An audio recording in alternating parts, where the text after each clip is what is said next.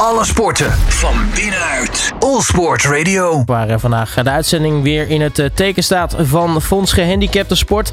En uiteraard betekent dat ik niet eh, alleen in de studio zit. Dat betekent dat ik altijd Nieke Boor, de directeur van Fonds Gehandicapte Sport, als trouwe co-host bij mij heb. Nieke, hele goedemiddag. Goedemiddag Robert. Nou, daar zijn we weer hè? Daar zijn we weer inderdaad. Wat, wat gaan we vandaag in de uitzending doen? Ja, we gaan vandaag vooral vooruitkijken naar de Masters, de Tennis Masters in Os. De wereldtop is daar aanwezig. En uh, nou, dat is een ontzettend mooi evenement. Dus uh, ja, veel tennis vandaag. Maar natuurlijk ook andere onderdelen. En we hebben als gast uh, Elle de Lange. oud para-topsporter, wheelchair, tennis. Maar ook wel andere onderdelen. En nu vooral actief in het ITF bij de wheelchair. Dus zij kan van alles vertellen over de wereldwijde ontwikkelingen. Maar ook hoe het in Os gaat. Erik Kester, de organisator van het toernooi in Os. Maar ook natuurlijk bekend van de ECP of de European Championships. Paralympic Championships in Rotterdam volgend jaar. En Tom Egberink. Uh, ja, de, de plaatsing moet nog definitief worden. Maar uh, we gaan ervan uit dat Tom ook uh, meedoet in Os. En uh, die gaan we ook vragen van hoe hij daar naartoe kijkt. En hoe dat gaat aflopen met hem. Nou, hartstikke mooi. Dat gaan we dus dit uur hier op All Sports Radio doen. En zoals je ons gewend bent hier tijdens All Sports Radio Live... ook natuurlijk aandacht voor het laatste sportnieuws. All Sport, All Sport Radio. En als we dan het hebben over het laatste sportnieuws... kan uiteraard ook aangepast sporten daarin niet ontbreken... Je hebt weer voor ons alle mooie resultaten op een rijtje gezet, Nieke. Ja, in september zijn eigenlijk uh, en ook een stukje oktober veel uh, sporten actief geweest. Op 17 september was het uh, NK Triathlon in Roermond. En ja, niet heel verrassend, maar de vierde titel voor Jetse Plat. En ja, Geert Schipper, ja, die is weer tweede geworden. Dus dat moet volgens mij toch wel een obsessie worden. Het is de Joop Zoetemelk van de triathlon, om maar zo te zeggen. Maar wie weet gaat het hem een keer lukken. Bij de vrouwen ging de titel naar, de, naar Margaret Eidema. En zij prolongeerde haar titel uit 21. En bij de visuele beperking is de titel gegaan naar Sander Komen en Jolene Hakker. Um, 18 tot 25 september was het WK roeien in Tsjechië. Uh, Corné de Koning uh, heeft daar zijn uh, wereldtitel behouden in de eenmanskif. En hij was dit jaar voor het eerst actief met Chantal Hane bij het roeien. Nou, Chantal kennen wij wel natuurlijk vanuit het wielrennen. Maar Chantal heeft nu samen met de Koning in de dubbel 2 geroeid. En ja, ze hebben net naast het, naast het podium gegrepen. Ze zijn vierde geworden. En het was hun eerste debuut op, of een debuut op een internationaal toernooi. En vorig jaar was het natuurlijk uh, Corné de Koning nog actief met uh, Annika van der Meer. En hebben ze zilver gewonnen op de Paralympische Spelen. Dus nou, mooie, mooie opstap denk ik naar, naar Parijs. En ik hoop dat Corné en Chantal ja, succesvol gaan worden. Absoluut. Dan hebben we van 15 september tot 2 oktober atletiek. de marathons van Berlijn en Londen. Hele mooie evenementen. Jetse Plat ook weer actief. Uh, normaal als triatleet, maar nu als handbiker. En sterker nog, nu als wieler in het marathon. Hij wil zich daarin ontwikkelen. En in Berlijn is hij vijfde geworden en in Londen vierde. Dat zijn plaatsen waar Jetsen nog niet aan gewend is. Maar ja, het is natuurlijk wel absoluut de top. En ik ben zeer benieuwd ja, wat Jetsen hiermee gaat doen. Ook richting Parijs. En uh, in ieder geval uh, zijn dit uh, hele mooie basisresultaten. En op 6 november gaat hij ook nog meedoen in New York. Dus, dus dan zullen we zien wat hij daar gaat neerzetten. Nou, de komende maand ook diverse activiteiten. WK baanwielrennen komt eraan. Ja, de Rolstoel Masters in Os hè, van 30 oktober tot 6 november. Het WK tafeltennis in Tokio. Het WK zitvolleybal en het WK tafeltennis. Dus voldoende te beleven in november. En dat kunnen we vast in de volgende uitzending weer meenemen. Gaan we zeker doen. Nieke Boer, dankjewel. zometeen dan gaan we allereerst eh, praten met onze studiogast van vandaag. Uh, oud rolstoeltennister, tegenwoordig actief bij de Internationale Tennisfederatie, terwijl de ITF. En dat is Ellen de Lange. Alle sporten van binnenuit. All Sport Radio. En uh, we hebben vandaag bij ons in de studio te gast Ellen de Lange, oud rolstoeltennister, tegenwoordig actief bij de ITF. Ellen, welkom in de studio. Dankjewel. Ja, wij kennen je nou natuurlijk al, maar uh, toch voor de luisteraars die uh, misschien niet zo ver teruggaan in de aangepaste sporten, wat uh, kan je jezelf toch eens even voorstellen? Nou ja, sport heeft in mijn hele leven altijd een hele grote rol gespeeld. Ik ben vroeger begonnen met zwemmen. En ook vrij snel in een of andere selectie terechtgekomen. En wat internationaal nog gezwommen, maar dat was niet echt mijn sport. Toen ben ik gaan basketballen. Vond ik ook een stuk leuker al. Maar goed, tennis was echt mijn passie, maar dat bestond nog niet. Dus dat, daar hield ik me nog niet zoveel mee bezig.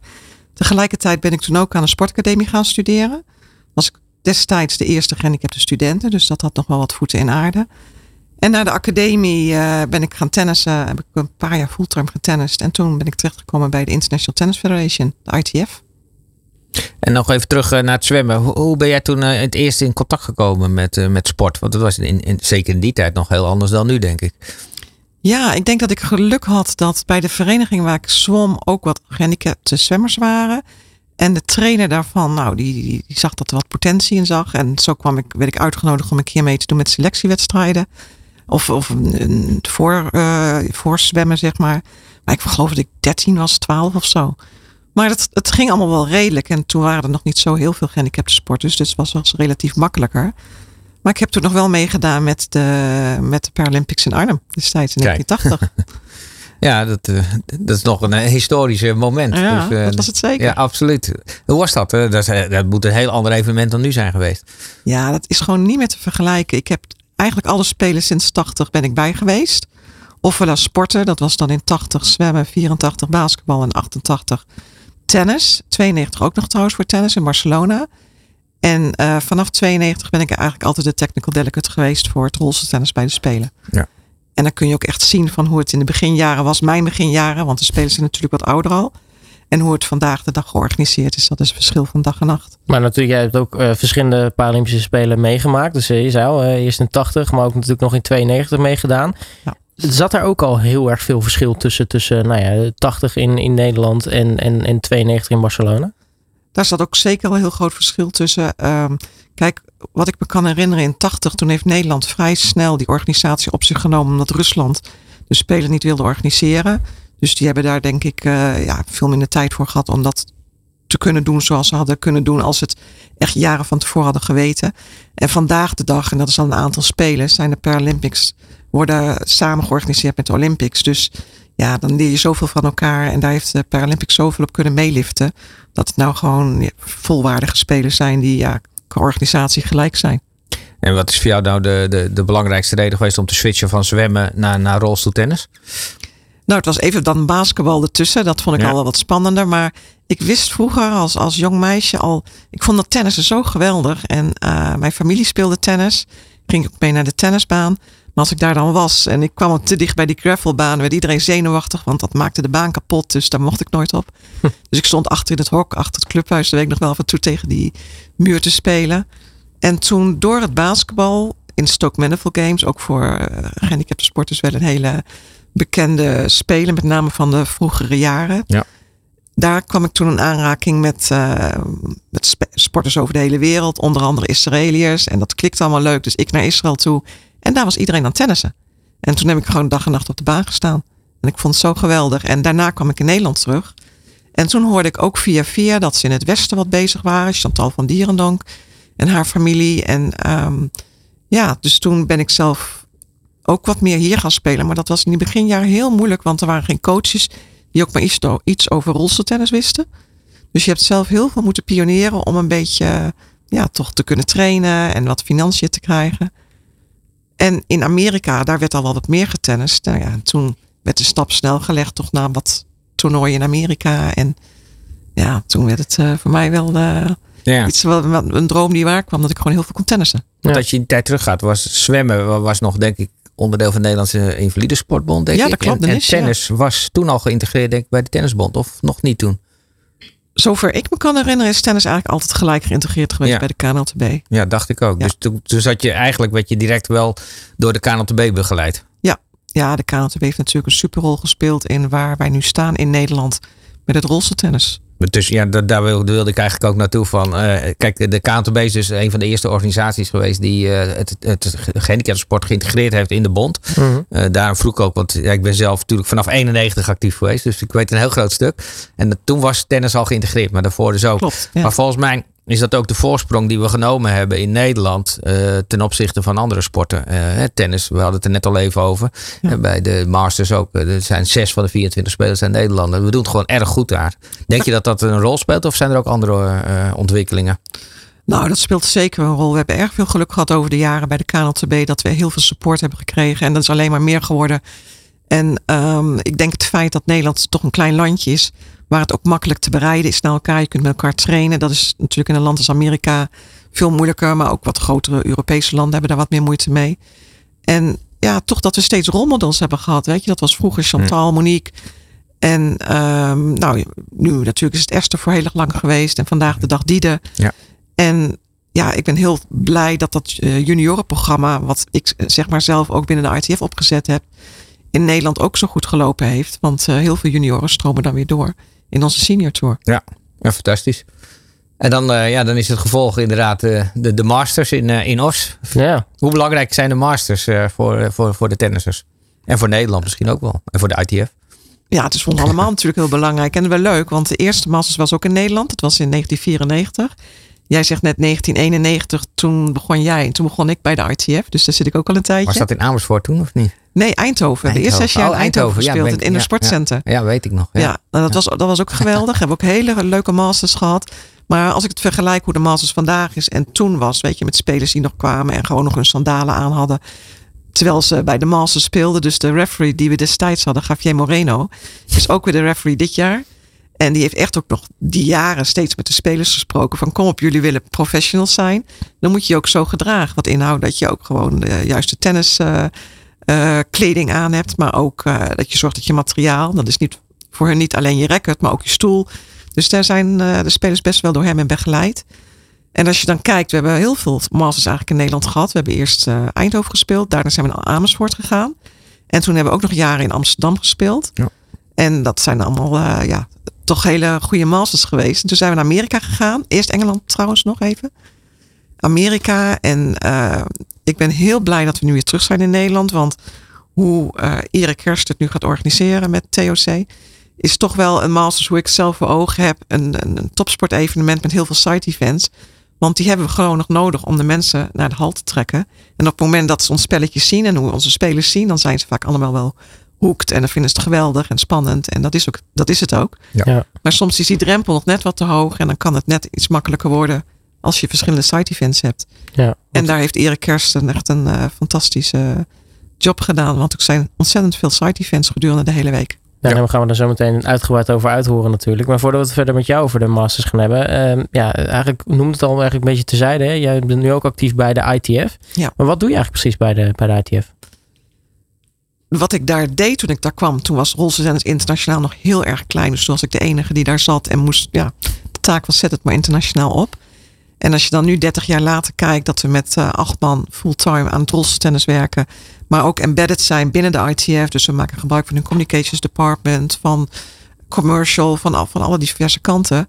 Um, ja, hebben we nog veel te weinig mensen om te kunnen doen wat we willen doen. De sport heeft een enorme ontwikkeling doorgemaakt van destijds in mijn beginjaren dat we een land of acht hadden die rolstoeltennisten. En nu hebben we ongeveer 100 landen waar gerolstoeltennist wordt. Uh, waarvan 50 landen toernooien op onze rolstoeltenniskalender hebben. De Uniqlo Wheelchair Tennis Store. Waar onze topspelers uh, nou, tussen de 15 en 20 evenementen per jaar spelen. Waar 4,5 miljoen prijzen geld aanwezig is. Dus de sport heeft een enorme ontwikkeling doorgemaakt. Uh, van de early days tot waar we vandaag zijn. In het begin was ik eigenlijk verantwoordelijk voor alles. Maar dat, dat, uh, dat wordt steeds moeilijker nu, omdat we zoveel verschillende kanten hebben. En momenteel hou ik me met name bezig op onze topsport-events, wat de Masters zijn. De World Team Cup, World Team Cup, dat is de equivalent of de Davis Cup of de Billie Jean King Cup. En natuurlijk de Paralympics, waar ik heel erg bij uh, ja. betrokken ben. Ja, wat dat betreft uh, kan het IPC uh, wel naar het ITF kijken. Ik denk, uh, het ITF geeft een goede voorbeeld. Als je ziet dat je het gewoon volledig integreert in een internationale organisatie. En dat je heel veel kan bereiken. Dus wat mij betreft, ik ben er wel een voorstander van dat er een vergaande samenwerking is tussen IOC en IPC. Wat vind jij daarvan? Ja, dat vind ik zelf ook. Ik, ik heb er wel een kleine kanttekening bij. Je bent erg uh, afhankelijk van de mensen die de diverse internationale bonden leiden. Als je daar iemand hebt die 0,0 interesse heeft, is het gewoon heel erg moeilijk. Dat merken wij bijvoorbeeld ook dat al onze leden van, van de RTF, zeg maar, de National Associations, daarvan willen wij dat ze ook rolstennis in hun programma aanbieden. Maar je kunt zoveel willen op het moment dat China zegt, ja, maar bij ons wordt het niet zo georganiseerd. De government geeft het geld aan de NPC. En die mogen het alleen maar uitgeven. Dus zij uh, ja, zeggen dan van wij zijn eigenlijk niet verantwoordelijk voor het rolstoel tennis.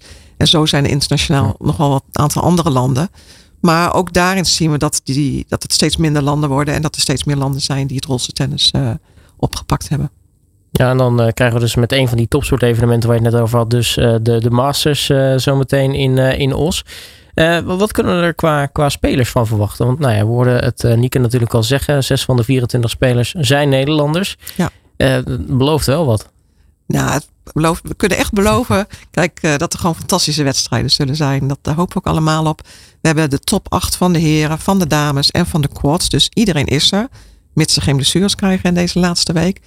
Um, Even een kleine uitleg, quads, eh, voor de luisteraars. Oké, quads zijn spelers die ook, uh, die zitten in een rolstoel vaak, maar ook nog aan hun armen of schouders in ieder geval een handicap hebben, waardoor ze iets moeilijker kunnen bewegen of iets moeilijker hun armen, de stoel kunnen bewegen of hun armen uh, kunnen gebruiken. Veel spelers tapen hun racket ook aan hun hand vast, dus ze hebben toch een extra moeilijkheid ten opzichte van de andere groep tennissers.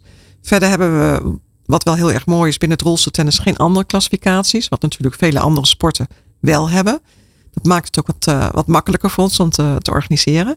De bal mag twee stuiteren. Dat is het enige verschil. Dat is het enige verschil met het valide tennis, ja. Dus ja. Uh, ja. je bent ook vrij snel gewend als je een tennisser bent en je kijkt naar het rolstoeltennis. Is het even wennen van, hé, hey, die bal, ze zijn te laat, maar dat mag dan inderdaad. Maar bij onze topspelers, die nemen bijna de bal altijd naar één stuit.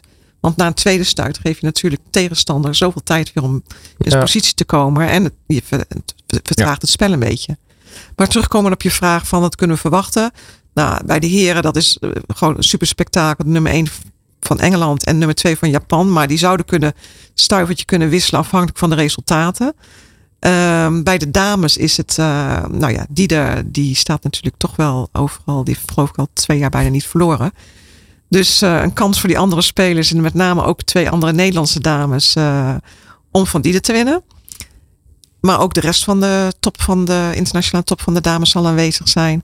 En bij de quads hebben we Niels Vink en Sam Schreuder, nummer 1 en 2 in de wereld. Beide Nederlanden, die ook uh, elkaar regelmatig verslaan. Dus dat belooft ook heel spannend te worden. En tegelijkertijd hebben we gedurende die acht dagen, want het evenement duurt acht dagen, hebben we ook de doubles masters.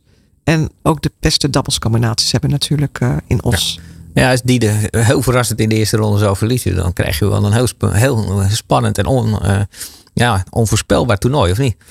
Nou, die andere dames, dat wordt, ja, die, die verslaan elkaar allemaal regelmatig. Ja. Maar die de eerste ronde verliezen, dat acht ik de kans erg klein. En die eerste ronde, dat is ook nog wel interessant om te weten. We spelen in twee pools van vier. Dus we moeten drie wedstrijden spelen in de pool. Daar kun je eventueel nog veroorloven eentje van te verliezen. Ja. Ja. En daarna halve finales, finales. Dus als je de finale wint, dan moet je van vijf spelers uit de top 8 gewonnen hebben. Dus dan ben je wel echt ook uh, goed. Beste. ja, precies. Nou, als we tot slot nog even iets verder kijken dan uh, nou ja, de Masters die hier aankomen. We hebben natuurlijk ook uh, de ABN AMRO Open die uh, er weer aankomt. nu kwam vanochtend het heugelijke nieuws dat vanaf 2023 er ook een vrouwentoernooi gaat plaatsvinden in het ja. rolstoeltennis. Hoe kijk jij daarnaar? Nou, ten eerste gefeliciteerd aan toernooidirecteur Esther Vergeer. Die heeft er heel hard voor gewerkt om dat voor elkaar te krijgen. Dus super dat dat is gelukt. En ja, het is leuk dat ook weer dat er nog een moment is in Nederland waar we de top uh, dames in actie kunnen zien. En ABN AMRO, nou die zet zo'n fantastisch toernooi neer. Sowieso voor het uh, valide tennis. En dat wij daarin mee kunnen liften. Ik geloof al tien jaar, dat is fantastisch. En dat zien we ook wereldwijd wel, dat er meerdere initiatieven zijn. Nou, dat er ATP en WTA toernooien interesse hebben om ook rolstoeltennis uh, in te bedden in hun event. Ja, fantastisch. En ik hoorde in Japan was het zelfs vorige week geïntegreerd tussen de halve finales in. Ja, vorige week was de Rakuten Open. En uh, dat was erg mooi, want Shingo waren bijna allemaal Japanse spelers die er meededen. Maar de nummer 5 van de wereld is ook een Japanner. Die is nog maar 16 jaar, maar die is gewoon waanzinnig goed. Dus het was een finale tussen Shingo, de gold medalist van de Spelen van vorig jaar, tegen uh, Oda. En uh, drie setten, tiebreak in de third set. En ja. tussen twee halve finales zat deze finale. En nou, ik heb de beelden gezien. De, stand zaten bijna helemaal vol. Dus dat was echt een super reclame voor het rolstoeltennis. Nou, dan gaan we in februari ook doen in Nederland, toch? Nou, dat, ga ik, dat hoop ik. maar eerst in Os, dus uh, ja, dat, dat, dat, uh, dat, komt er ook nog aan. Uh, Ellen de Lange, mag ik je hartelijk danken voor je komst aan de studio natuurlijk. En heel erg veel succes met nou ja, je werkzaamheden bij de ITF en natuurlijk de, de masters die er, eraan komen. Ja, natuurlijk, dankjewel. En ik hoop heel veel mensen in Os te zien. Ja. Alle sporten van binnenuit. All Sport Radio. Vandaag eh, staat de uitzending in het teken van Fonds Gehandicapten Sport. En om precies te zijn ook de ITF Wheelchair Tennis Masters. En we gaan daarnaast ook nog eens hebben over de European Para Championships die eraan komen in eh, 2023 in Nederland. En eh, daarover gaan we praten met eh, de organisator van beide evenementen van Team TOC. En dat is eh, Erik Kersten. Erik, hele goedemiddag. Hey, goedemiddag. Ehm, ja, top dat je even bij ons in de uitzending wil zijn. Jij bent natuurlijk, eh, nou, als we het toch hebben over eh, organiseren van eh, sportevenementen, toch wel een, een, een belangrijke pion in de sportwereld. Ehm, toch voor de nieuwe luisteraars, kun, kun je jezelf even voorstellen? Ja, natuurlijk. Mijn naam is Erik Kersten, eh, 46 jaar. Ehm, eh, hartstikke gelukkig privé en ook zakelijk eh, 25 jaar geleden, volgend jaar 25 jaar geleden, Team TOC opgericht. En eh, ja, inmiddels met een team van, eh, van een mannetje of 15 op kantoor en, eh, en vrouwtjes uiteraard ook. en heel veel, eh, heel veel, een hele grote flexibele schil om ons heen. eh, een hartstikke mooie, hartstikke mooie bedrijf kunnen ontwikkelen en mogen ontwikkelen. Ja, want je doet eigenlijk heel veel evenementen gewoon natuurlijk in de reguliere sport. Maar je bent ook heel actief in de gehandicaptensport met grote evenementen. Hoe is dat zo ontstaan? Want dat is toch specifieke kennis die je nodig hebt. Ja, nou dat hadden we in eerste instantie eigenlijk niet. En eh, wij, eh, de eerste echt grote parasportevenement wat we hebben gedaan was in 2015 het WK eh, baanwielrennen in, in, in Apeldoorn. En ja, we kregen eigenlijk die vraag proactief vanuit de UCI. Die zaten wat omhoog met, met het evenement. En kenden ons al eh, van eh, onder andere het WK BMX in Ahoy en van de, diverse WK veldrijden. En toen zijn we er eigenlijk gewoon ingedoken. En eh, ik moet eerlijk zeggen, dat heeft eh, best wel ons hart eh, sneller doen kloppen. Eh, het is ontzettend leuk om, eh, om voor deze doelgroep eh, evenementen te organiseren. Absoluut topsport. Maar je krijgt ook heel erg veel waardering terug. Dat doe je natuurlijk niet per se voor, maar het is wel hartstikke fijn als je op het eind gewoon netjes eigenlijk een handje krijgt. En dat hebben we eigenlijk van valide sporters bijna nooit gehad. Eh, en ondanks dat het ook allemaal prima evenementen waren. Dus eh, ja, we, het is een beetje in onze, in onze aderen gaan stromen, die parasport. Nou, dat is eh, goed gelukt. En we komen je ook overal tegen. En, en nu met de Masters voor de deur. de- toch een van de mooiste tennisevenementen, rolstoeltennisevenementen die er is. Daar is ook TOC bij betrokken. Hoe is dat tot stand gekomen? Eh, nou, eigenlijk ook in het, eh, in, het, in, het, in kielzog van de European Para Championships, waar we het volgens mij zo nog even over gaan hebben.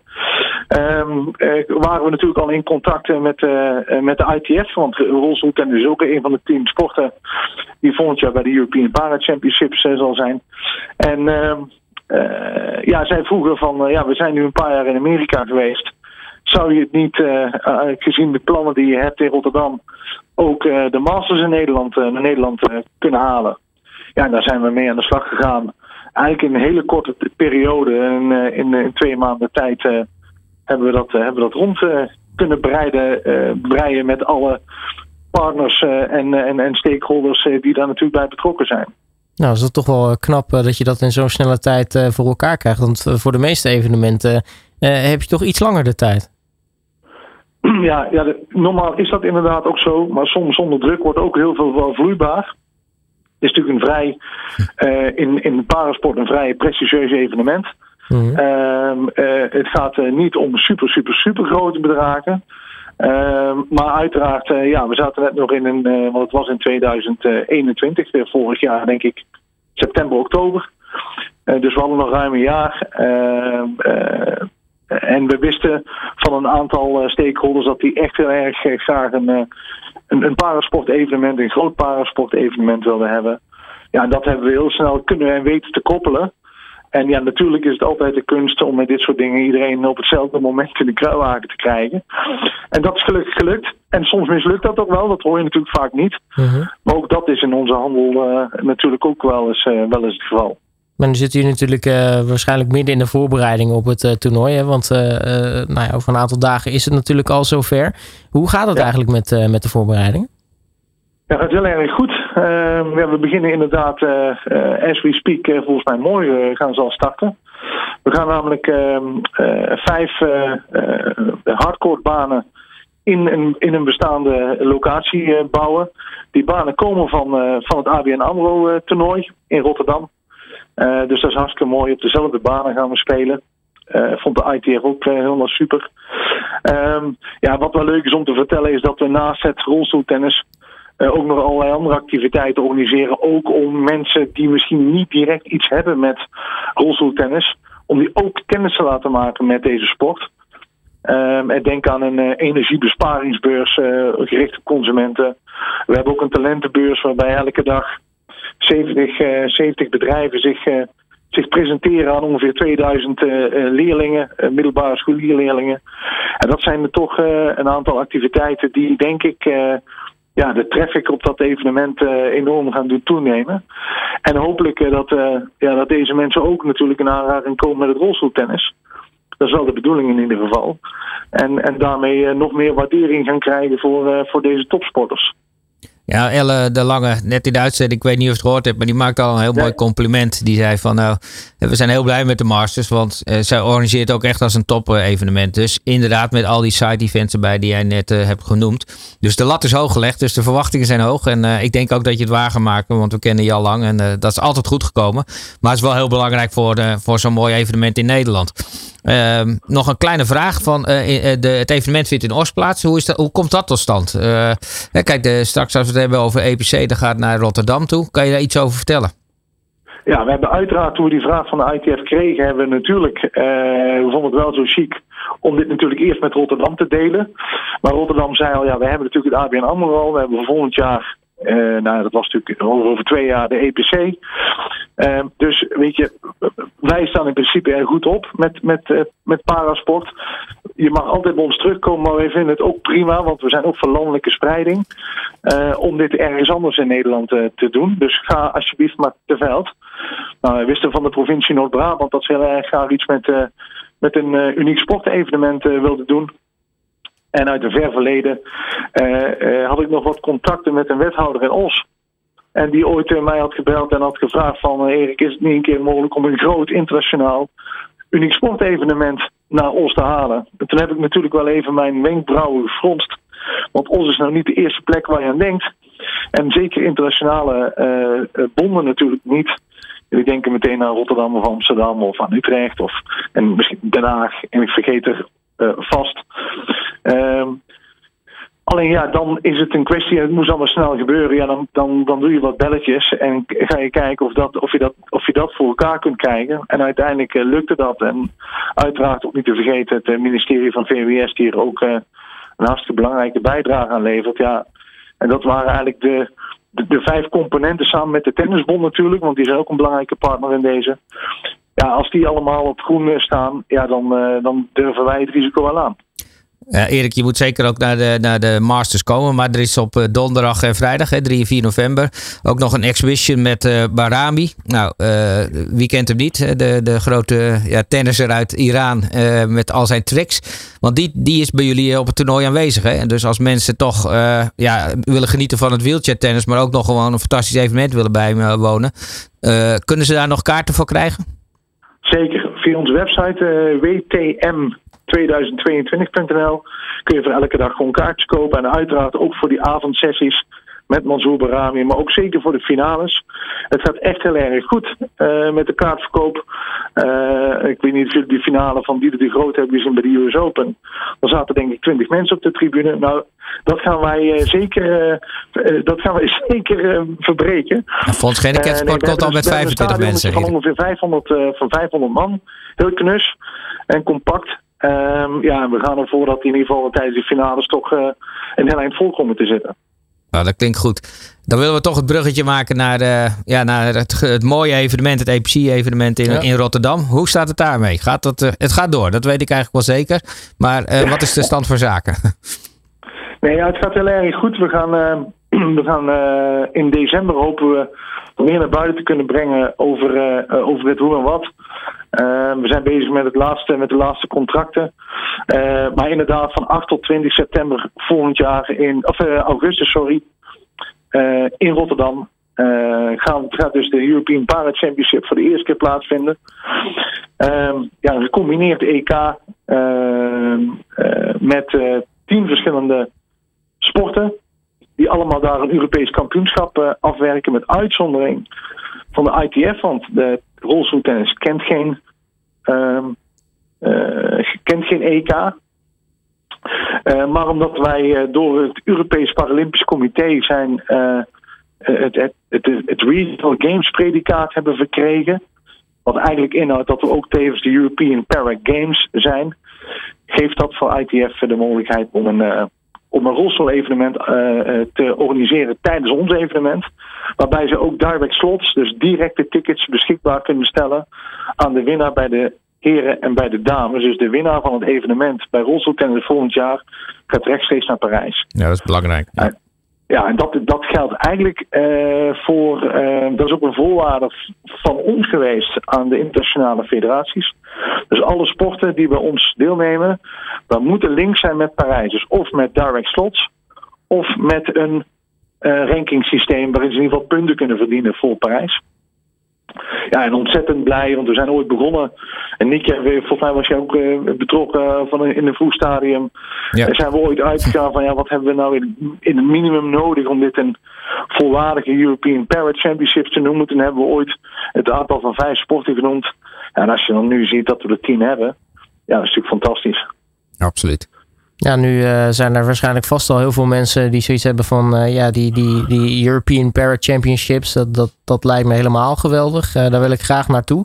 is er eigenlijk al iets bekend over ticketing of, of hoe, dat, hoe dat in zijn werk gaat straks voor de bezoekers? Nee, daar zijn we nu de laatste hand aan leggen. Ik moet eerlijk zeggen dat wij in eerste instantie hadden gedacht. we gaan het gratis toegankelijk maken. Uh, dat klinkt natuurlijk fantastisch. Aan de andere kant, uh, met COVID in ons achterhoofd, waarbij we toch graag willen weten wie er door ons evenement heen, heen loopt.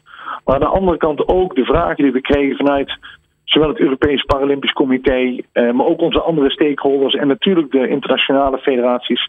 Die vroegen, uh, of die zeiden eigenlijk, ja, als je het voor niks maakt, dus het gratis maakt, is het eigenlijk ook niets waard. En daar hebben ze natuurlijk uh, 100%, 100 gelijk in. Dus er zal zeker iets met tickets zijn. Uh, maar ook daarover zullen we in, in december uh, zullen we wat meer weten. En zullen we dat ook bekendmaken.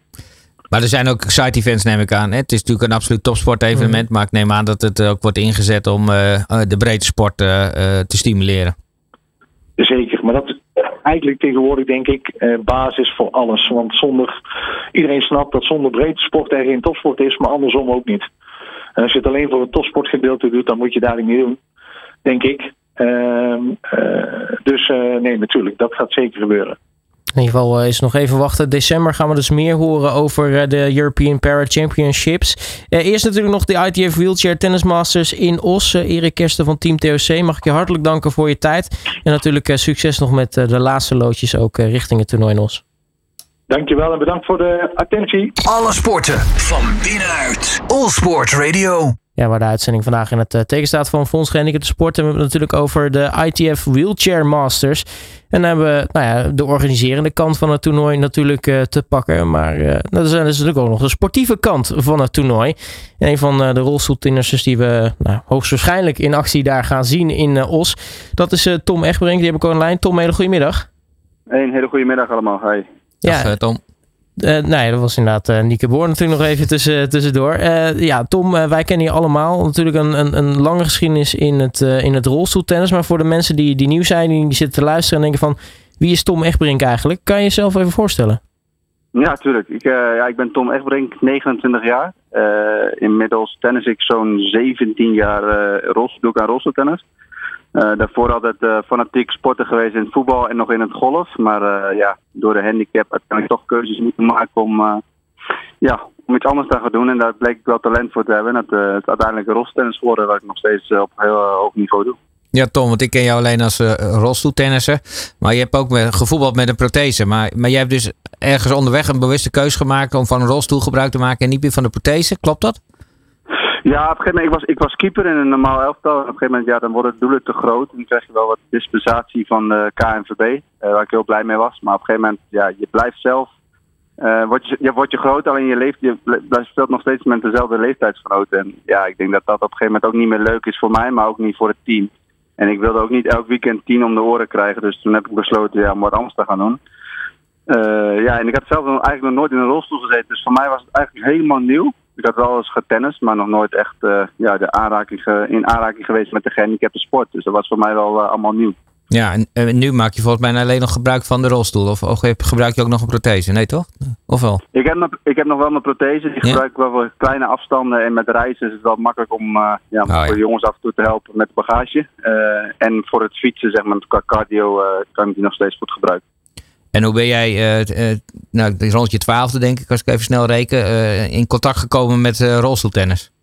Ja, klopt. Ja. ja, via Sport Drenthe. Ik kom mezelf uit Dalen oorspronkelijk bij Emmen in de buurt. Ja. En ja, er stond in de krant, rolstoeltennis werd aangeboden via Sport Drenthe. En, ja, om, voor mensen die het wilden proberen. Dus mijn ouders die hebben mij ja, dat artikel laten lezen. En toen zei ik van ja, maar moet ik dan wel in een rolstoel gaan zitten? En ik, heb, ik, ik heb niks met de rolstoel. En ik heb, ja, tennissen vind ik wel leuk. Maar ik was echt een teamsporter. En ik, ja, ik hield gewoon van de gezelligheid in het team.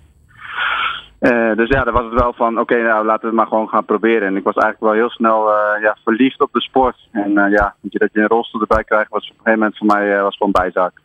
Nou, het, je moet natuurlijk voor rolstoeltennis een rolstoel nodig, hè, sporthulpmiddelen. hoe is dat voor jou eigenlijk gegaan in, in die tijd en, en, en nu nog steeds trouwens, als je een sporthulpmiddel nodig hebt? Want hoe, is de toegang tot, tot die sporthulpmiddelen eigenlijk? Ja, ik denk dat het heel erg verschilt per gemeente. Je moet natuurlijk een aanvraag doen bij de gemeente en dan gaan ze kijken, ja, ben je daarvoor geschikt? Inmiddels zijn wij natuurlijk de profs, dus dan kijken ze wel van, oh ja, je bent prof, dus het is een minder, ja, dat, je, dat zou je kunnen helpen. Maar dat, dat vind ik eigenlijk wel heel raar, omdat je natuurlijk altijd ja, dat nodig zal hebben, omdat het heel duur is. Ehm, en op het begin is het gewoon dat je aanklopt bij de gemeente en dan gaan ze kijken, hoe, hoe leuk vind je het dan werkelijk? Of is het, ja, of is het dan voor voor korte duur. En dan wil de gemeente natuurlijk ook niet gaan investeren in korte duur. Dus ik denk dat ze eerst kijken van probeer eens uh, ja, een stoel te regelen. Vind je het echt heel leuk? Ja, en dan gaan ze kijken van ja, wat ze je kunnen bieden qua rolstoel of een leenstoel. Of echt dat je gewoon eigen op maat gemaakte rolstoel krijgt. En in het begin ben jij geholpen door de, door de club, denk ik. Door de tennisclub of niet? Of door Sport Drenthe misschien, die middelen, hulpmiddelen had. Nou, ik kwam via. Er speelden toen nog meerdere jongens en ik werd doorgestuurd naar Assen om uh, met meerdere jongens te tennissen. En die had toevallig een ADL-stoel, een dagelijkse rolstoel over. Die mocht ik gaan proberen. En toen mocht ik mijn eerste toernooitje spelen in, in Vierde. En uh, Harry Beukers, ja, die ken ik al vanaf het begin. En die, heeft, die had een rolstoel over, een, een sportrolstoel. En die zegt, nou weet je, neem die lekker mee naar huis. En ga ermee proberen wat je, wat je ermee kan. En uh, tot je jezelf in hebt van de gemeente. En zodoende ben ik eigenlijk geholpen op dat vlak. Ja, en nu uh, heb je natuurlijk een, een, mooie carrière achter de rug. Uh, uh, tot nu toe. Hè? Want we gaan ervan uit dat je nog heel lang mag, mag blijven tennissen op mooi niveau. als we even teruggaan naar misschien een paar interessante momenten in carrière. misschien 2017 daaruit lichten. Raakte je geblesseerd. 2018 maakte je comeback. kan, je, kan je daar eens wat meer over vertellen? Want dat, dat lijkt me toch een, een zware periode voor jou. Ja, zeker. Dat is eigenlijk daarvoor al begonnen. Ik ben al een paar keer wat vaker geblesseerd geweest. En in de, door mijn elleboogblessure. Dus inmiddels ben ik uh, zes keer geopereerd. Dus dat, ja, dat is niet heel lekker, zeg maar. En toen net de week voor de Paralympics van Rio de Janeiro brak ik mijn duim. Ik vloog over de kop in de rolstoel en ja, daarbij scheur ik mijn duim. En ja, ik denk dat het gewoon gebroken was. Dus dat waren niet echt hele fijne periodes. Maar inderdaad, 2017 kwam er nog één achteraan. En toen ja, ik tegen mezelf gezegd: is het dan dit de laatste keer dat, ja, dat ik om het mes ga en alles ga geven? En ja, is het daarna gewoon klaar. uiteindelijk bleek dat het dat jaar heel goed ging. Ehm, toen kwam in 2020, het begin van het jaar, kwam het eigenlijk weer terug in mijn elleboog.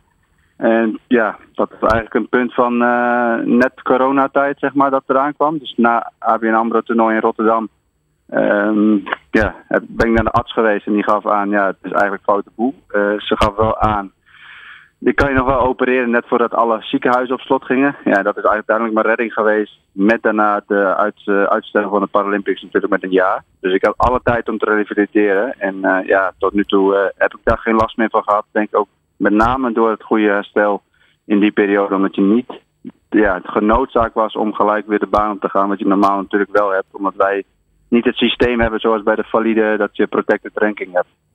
Ja, wij hebben het hier ook vaak in de uitzending gehad met sporters over de, eh, de COVID-uitstel eh, van de Paralympische Spelen. Is het een voordeel of een nadeel? voor heel veel sporters is ook een nadeel geweest, omdat het gewoon een jaar te, te lang duurde. Nog, nog een jaar extra investeren. Maar in jouw geval is dat natuurlijk, uh, achteraf kunnen we dat wel constateren, uitstekend uitgepakt.